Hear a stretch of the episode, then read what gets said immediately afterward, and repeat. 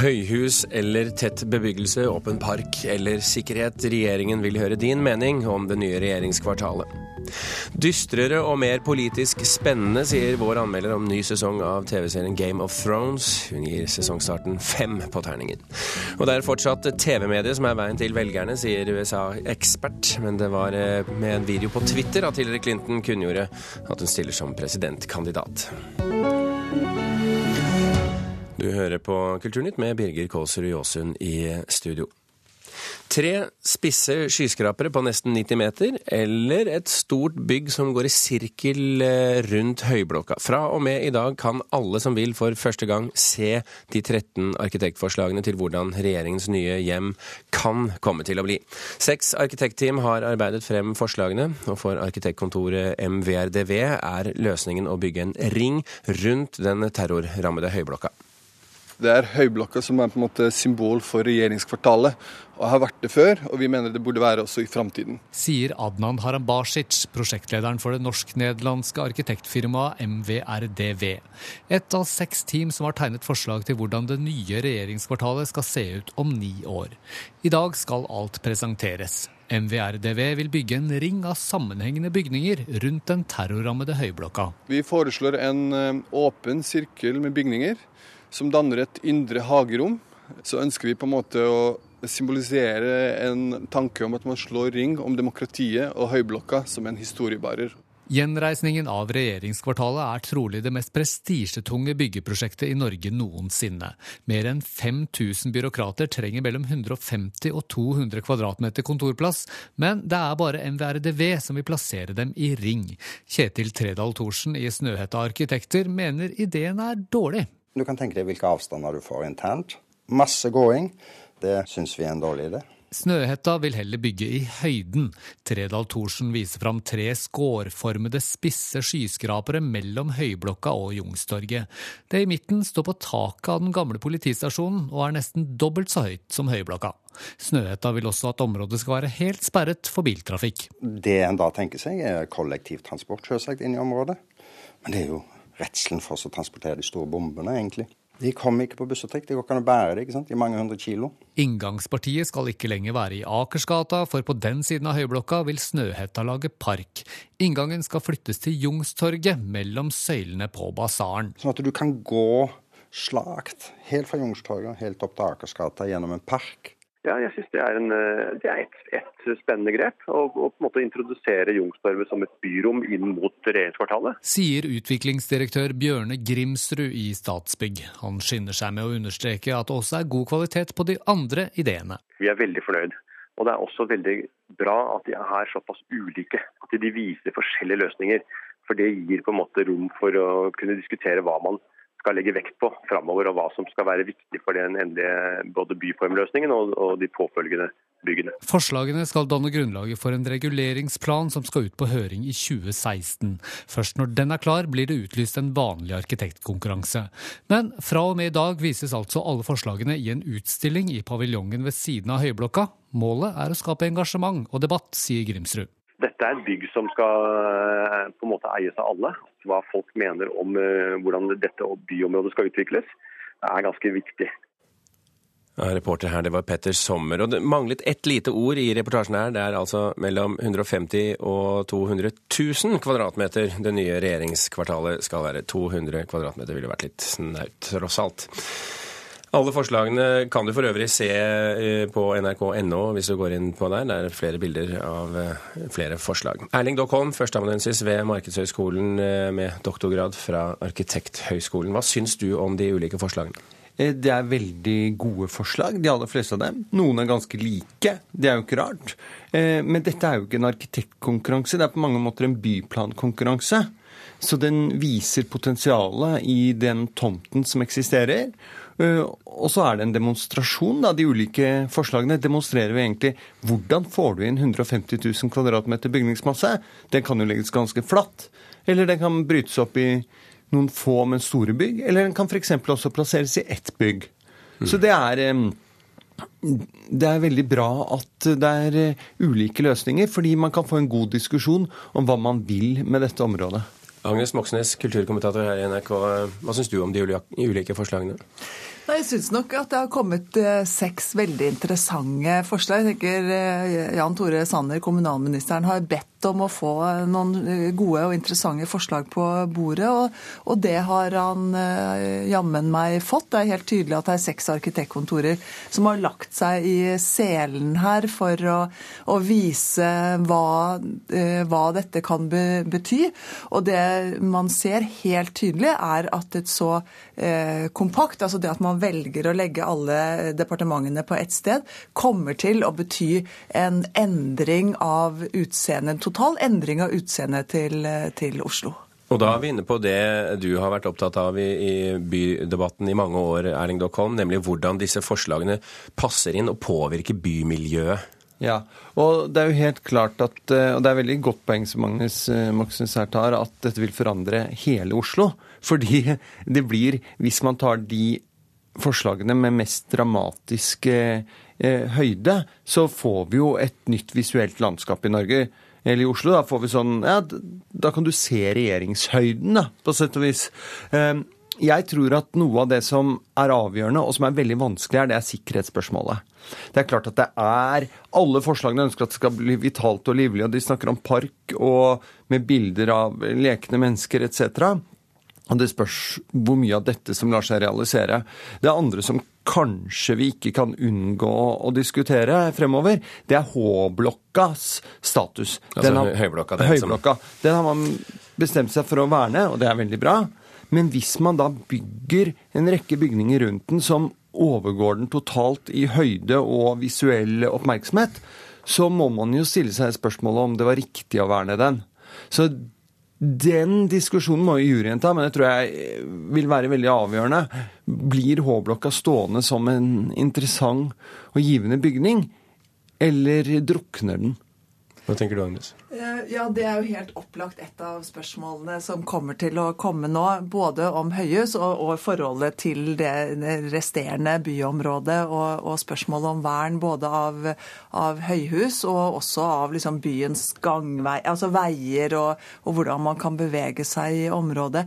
Men det jeg syns er kanskje det, det morsomste med å se på disse planene her, er hvordan en nye deler av Oslo kommer til å oppstå som et resultat av det som skal skje i regjeringskvartalet. Både med den høyden som ligger altså nord for Høyblokka. Der ligger Deichmanske bibliotek, eh, to kirker, Trefoldighetskirken og, og Margaretakirken. Et veldig fint område som har ligget litt i skjul nå. Kommer til å bli synlig, synliggjort.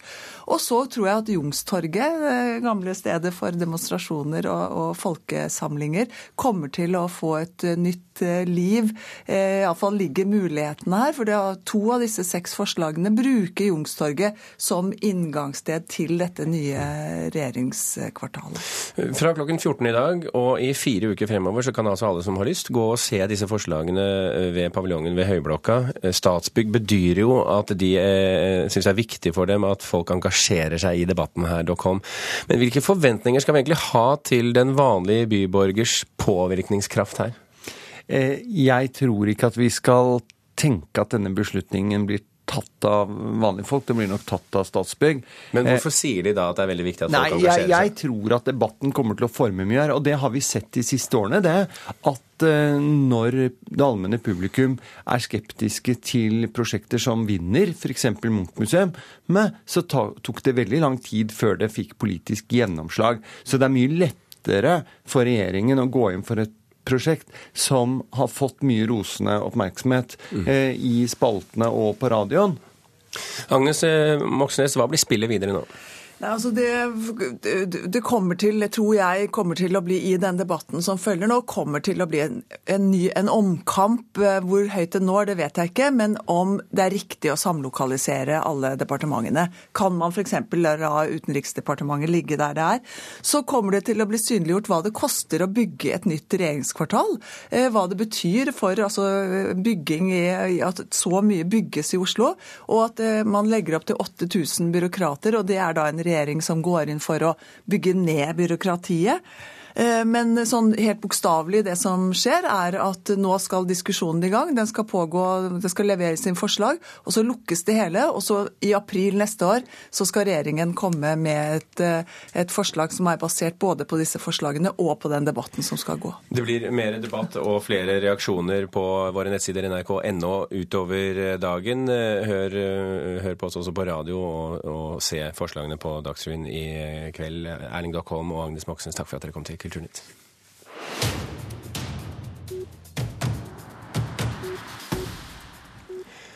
EU-kommisjonen har foreslått å gjøre det digitale markedet for europeiske filmer og TV-serier om til ett felles marked. I dag selges rettigheter for bruk av film og serier i hvert enkelt land, og flere produsenter frykter at sammenslåingen av markedene vil gjøre det vanskeligere for uavhengig film.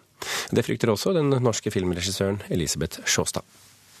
Hovedproblemet med forslaget er jo at man ikke har utredet konsekvensene for filmbransjen, eh, og at det bærer veldig preg av en eh, veldig typisk eh, ideologisk tankegang som råder i Brussel. Og det er klart at hvis du skal på en måte selge rettigheter til hele Europa, da, så krever det mye større budsjetter og større markedsføringsbudsjetter. Og som sagt kanskje litt mer sånn Hollywood-tankegang i forhold til hva slags filmer du lager. Og der, der, det er jo ikke det som er kjennetegnet på europeisk film. Det kjennetegnes av eh, mindre produksjoner, kanskje mer spesielle, særegne. Eh, og Derfor så er det på en måte litt uforenlig med, sånn, med den type tankegang.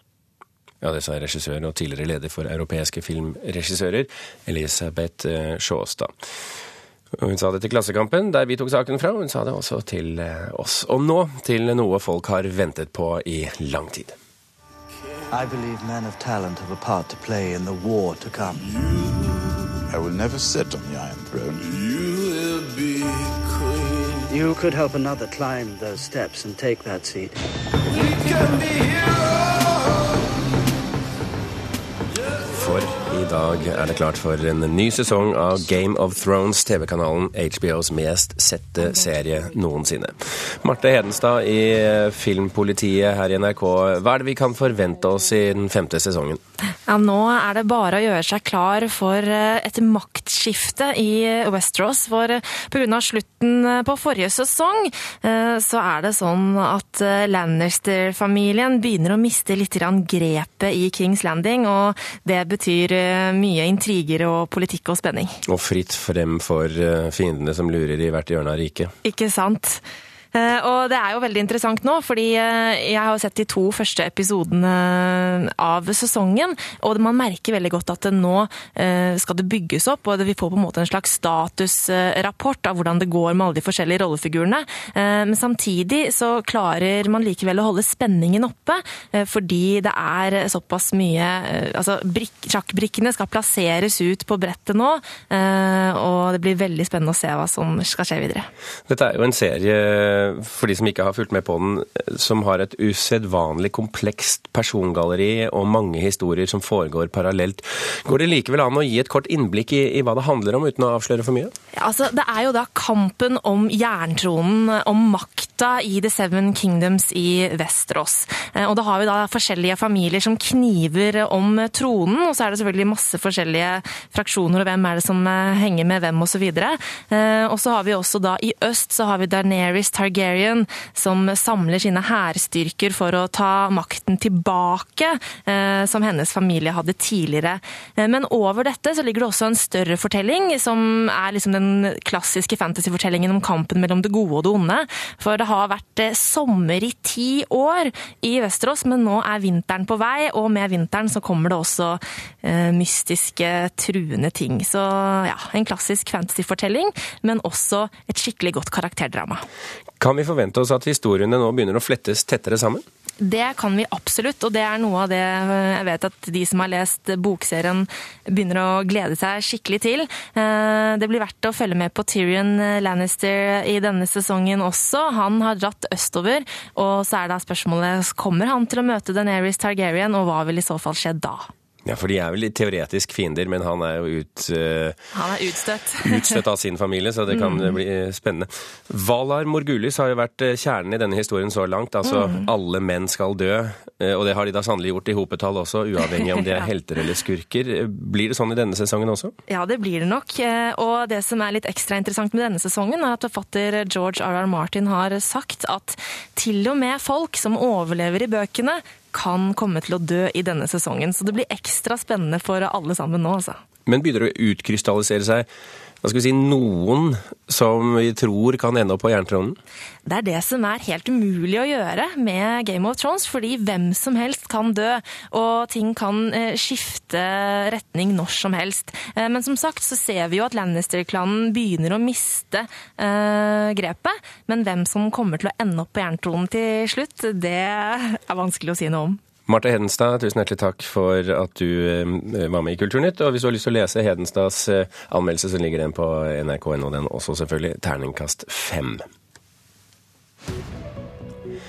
Klokken er eh, snart 19 minutter over åtte. Du hører på Kulturnytt, og dette er toppsakene i Nyhetsmorgen nå. Vaktene i regjeringskvartalet vil ha bedre beskyttelse mot batonger og pepperspray. Sikkerhetsekspert Roy Stranden mener vaktene bør få politifullmakt, eller at politiet tar over jobben. Mange med sluttpakker må snart melde seg hos Nav. Eksperter tror det fører til en økning i arbeidsledigheten. Og I Brasil demonstrerte nesten 600 000 mennesker i gatene i natt i protest mot eh, president Dilma Rousef og mot korrupsjon.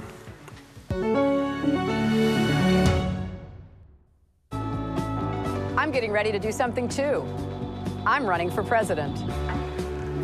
Americans have fought their way back from tough economic times but the deck is still stacked in favor of those at the top. Ja, slik annonserte Hillary Clinton i går kveld at hun stiller som presidentkandidat til det amerikanske presidentvalget i 2016. Hun er den første demokraten eh, og den tredje kandidaten som har sagt at hun ønsker å bli USAs neste president. Hilde Eliassen Restad, førsteamanuensis i freds- og konfliktstudiet ved Bjørknes høgskole og ekspert på amerikansk politikk. Velkommen til Kulturnytt. Tusen takk. Hvordan fremsto Clinton i denne videoen som ble publisert på Twitter i går? Veldig annerledes enn i 2007, da hun satt og snakka i to minutter rett inn i kamera på sofaen i, i huset i Washington DC. Denne, eh, I denne videoen så handla det mest om amerikanere, eller som hun sa, 'everyday Americans'. Det var en to minutter 18 sekunders lang video. Og for mesteparten av den videoen så var det ikke Hillary Clinton som snakka, eller som var i bildet. Det var de her såkalte 'everyday Americans'. Så hva er det hun har lært? Det hun har lært, er at det skal ikke handle om at hun fortjener å bli valgt til president. Eh, hun sa vel i 2007 I'm in it to win it. Eh, nå handler det om at eh, hun skal gjøre seg fortjent til å få stemmene fra de her everyday Americans. Så hva har hun lært om sosiale medier siden hun ble feid av banen av Barack Obama for åtte år siden? Jeg vet ikke om hun har lært så mye om sosiale medier, fordi at hun annonserte De slapp en video på YouTube, og eh, så annonserte hun på Twitter. Men så vidt jeg vet, så har hun ikke en Instagram-konto, har heller ikke Facebook-side. Eh, så sånn sett så kanskje hun har litt mer å lære. Men det som er viktig, er vel ikke egentlig eh, mediet, men eh, hvordan hun fremstår. Altså the message, ikke sant. Og der var det jo veldig stor forskjell. Hun har jo faktisk fått generelt gode, la oss si anmeldelser, da for å bruke et kynisk uttrykk. Så det har vært ganske mye positiv omtale om denne videoen, i og med at folk ser ut til å synes at hun har skjønt at hun ikke må virke som hun eh, skal arve noe her. Men samtidig så, så er det jo slik at uh, TV-ruta blir vel også veldig viktig denne gangen, selv om sosiale medier får større og større betydning. Uh, hva kommer det til å bety for Hillary Clinton? Det er jo kanskje det mange lurer på, fordi at hun var jo ikke generelt så veldig flink, egentlig i 2008 til å drive valgkamp. Hun var ikke den som utstrålte mest karisma og sjarm gjennom TV-skjermen. Hun er kjent for å være veldig flink ansikt til ansikt. Når du møter henne, så er hun veldig varm og personlig og sjarmerende. Men når hun skulle formidle det her via TV-skjermen, som jo er de aller fleste amerikanerne møter jo aldri en presidentkandidat, med mindre man bor i Iowa eller New Hampshire. Eh, og hun virka egentlig ganske kald og upersonlig i 2008. Mens Barack Obama jo hadde den her enorme evnen til å knytte bånd gjennom TV-skjermen. Mens til gjengjeld, når man møter han personlig, så er han litt kanskje mer kald og, og egentlig ikke så interessert, sies det. Eh, så nå må vi jo se om hun klarer, har klart å endre på det her. Om hun faktisk klarer å knytte bånd til velgerne gjennom TV-skjermen. For det er klart at det er det som er viktigst. Og hun skal jo uh, kjempe med, med, folk som virkelig kommer gjennom TV-skjermen. Ted Cruz har jo Altså de konservatives Ted Cruz er jo på full fart inn i presidentvalgkampen. Han når igjennom? Ja, eh, absolutt. Nå når jo han gjennom til et spesielt segment i det republikanske partiet. Han, jo, eh, han håper jo han skal bli fanebæren for de på ytre høyre. Mm. Så det er klart at sånn sett har jo Hillary Clinton en mer bredere sentrumsorientert appell, kanskje. Men det er klart at han er veldig karismatisk, og han er flink og snakker sjarmerende. Samme også med Rand Paul, som også har annonsert, som ønsker å bli de her, som man kaller det for libertarianerne sin kandidat. Mm. Eh, selv om altså, vi har eh, to kandidater nå som har lansert seg på Twitter, hva er viktigst, tror du? TV-reklame, den tradisjonelle, eller sosiale medier? Jeg tror TV-reklame, fordi at det er tross alt sånn at Twitter er vel kanskje der mange av journalistene og, og, politikerne er, men jeg vet ikke om det er der den jevne amerikaner er. Jeg vet ikke om det er der Everyday Americans er. Og det er klart at eh, TV-reklame kommer nok fortsatt til å være veldig viktig i den amerikanske valgkampen. Hilde Eliassen Reza, tusen hjertelig takk for at du kom til Kulturnytt.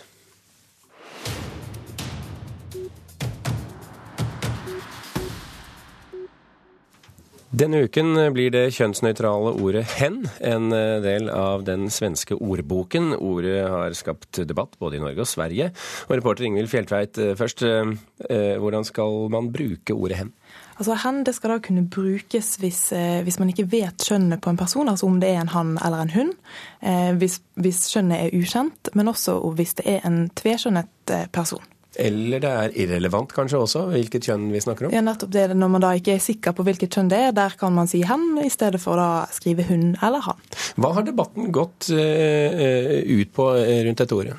Altså, debatten handler jo om at noen mener at det er feil å ikke identifisere kjønnet på. Særlig snakker man da gjerne om overfor barn at uh, det kan være uryddig for dem å ikke vite hvilket kjønn de har, dersom man konsekvent kaller dem hen. Mens mange mener jo at det å ikke identifisere kjønn kan være fint, og at det jo er med på å fremme likestilling, f.eks. Hvordan oppsto dette ordet egentlig? Altså, Inspirasjonen det kommer fra det finske språket, fordi der har man hatt uttrykket 'hen', som kan brukes om både hannkjønn og hunnkjønn lenge. Men debatten om, om, bruken av ordet kom til Sverige allerede i, i, 1966, da en som heter Rolf Dunås foreslo det at man skulle få et, et kjønnsnøytralt ord. Så det har ligget eh, ja, snart 50 år gammelt? Snart 50 år. Er det aktuelt å innføre hen i norske ordboker, tror du? Altså, Debatten har jo vært eh, her hos oss i landet også. Eh, men det er trolig et stykke frem til vi får det som en del av ordboken. Men i 2017 så kommer det en stor ny norsk ordbok på nett, og da har Kunnskapsforlaget som gir ut ordboken, sagt at hen er et av ordene som er oppe til vurdering. Fint, da har vi noe å diskutere frem til 2017. Ingvild Fjelltveit, tusen hjertelig takk. Skogens dikter. Den tittelen har flere lyrikere og forfattere fra Hedmark eh, fått utdelt, eh, som f.eks. Hans Børli og Einar Skjæråsen. Skogen er den samme, men tidene har forandret seg, og nå letes det etter nye forfatterstemmer fra skogen. Skogen rommer så mye at det er en kjempekilde til inspirasjon. Så hvis vi kommer over en ny Hans Børli, så er jo det kjempefint. Hans Børli, tømmerhoggeren som kjente skogen på kroppen og forvandla det til stor lyrikk. I djupet av de norske vinterskogene fins et hvitt helvete. Snø, en syndeflod av snø. Tømmerhoggerens stemme har forsvunnet. Men nå letes det etter nye stemmer fra skogen. Eh, jeg har vært litt opptatt av at det finnes ganske mye urban skog i Hedmark etter hvert også. Så kanskje vi får eh, en ung forfatter som skriver om både den skogen langt inn på viddene og den i nærheten av parkene f.eks. Det hadde vært kjempespennende. Sier fylkesbibliotekar i Hedmark, Karianne Albrigtsen Aam. Hei. Jeg heter Karanne. I dag er hun på Løten ungdomsskole for å lokke skrivelysten ungdom. Og Det vi har lyst til i år, det er at så mange som mulig skriver eh, om Hedmarks skoger. Jeg pleier å gå i skogen for å tenke av og til, for da er det helt stille. Eh, jeg har opplevd veldig mye i skogen, så jeg ville bare skrive om hvordan jeg føler det. tre det er jo et enkeltindivid, liksom. Men alle er forskjellige. Mariell Strandvik Barthaa, Mari Bjerke Larsen og Ed Arne Skjønsberg har alle latt seg lokke til å bidra i skrivekonkurransen fylkesbiblioteket samarbeider med fylkets egen kulturfestival om. Det er viktig for oss å, eh, å fremme kultur og eh, bruke det som har vært med på å forme og, og inspirere vår identitet. Eh, hedmarkingens identitet kunstnerisk. Sier Eva Petershagen Aasbø i Volumfestivalen. Inne i alle skoger har det bodd folk. De stirret mot skogbrynene, og årene gikk fra dem. Skrev Rolf Jacobsen om skogboerne. Vi sitter jo midt i skogen nå. Sola skinner gjennom trærne, og, og snøen smelter. og Det er veldig fint. Den bor der fortsatt og skjuler fortsatt talenter, mener Peter Sagen Aasbø. Jeg er sikker på at det fins mange, mange, unge skriveglade, og også eldre skriveglade, um, som har et talent, og som, som ikke nødvendigvis um, har noe sted å, å vise det fram. Kirsti er lys som er selje, Kari er mørk som er gran. Kari vil helst være hjemme, Kirsti er allestan. Einar Skjæråsen brukte òg skogen som referanseramme. Men dagens skogboere, i alle aldre, finner nok ny inspirasjon, tror hun. Nei, det er vel mer um, underholdningsverdien, kanskje. Eller uh, spenningen da, med naturen. Og roen man får. Roen fra veldig mange, mange impulser. Um, å bare være i skogen. Vi håper jo da at det er noen forfatterspirer eller noen som får så stor glede av å være med på en sånn ting som det her, eh, at de får drivkraften til å fortsette. Og reporter i eh, denne saken, eh, det var Torunn Myhre. Kulturnytt eh, er slutt. I dag har vi fortalt at forslagene til hvordan det nye regjeringskvartalet skal se ut, og at våre kommentatorer mente forslagene utgjør et godt utgangspunkt for videre utvikling av området. Og du kunne også høre om en dystrere og mer politisk spennende historie når den femte sesongen av TV-serien Game of Thrones starter i dag. Hans Ole Hummelvold, Vidar Sem og Birger Kolsrud Aasund takker for følget. Hør flere podkaster på nrk.no podkast.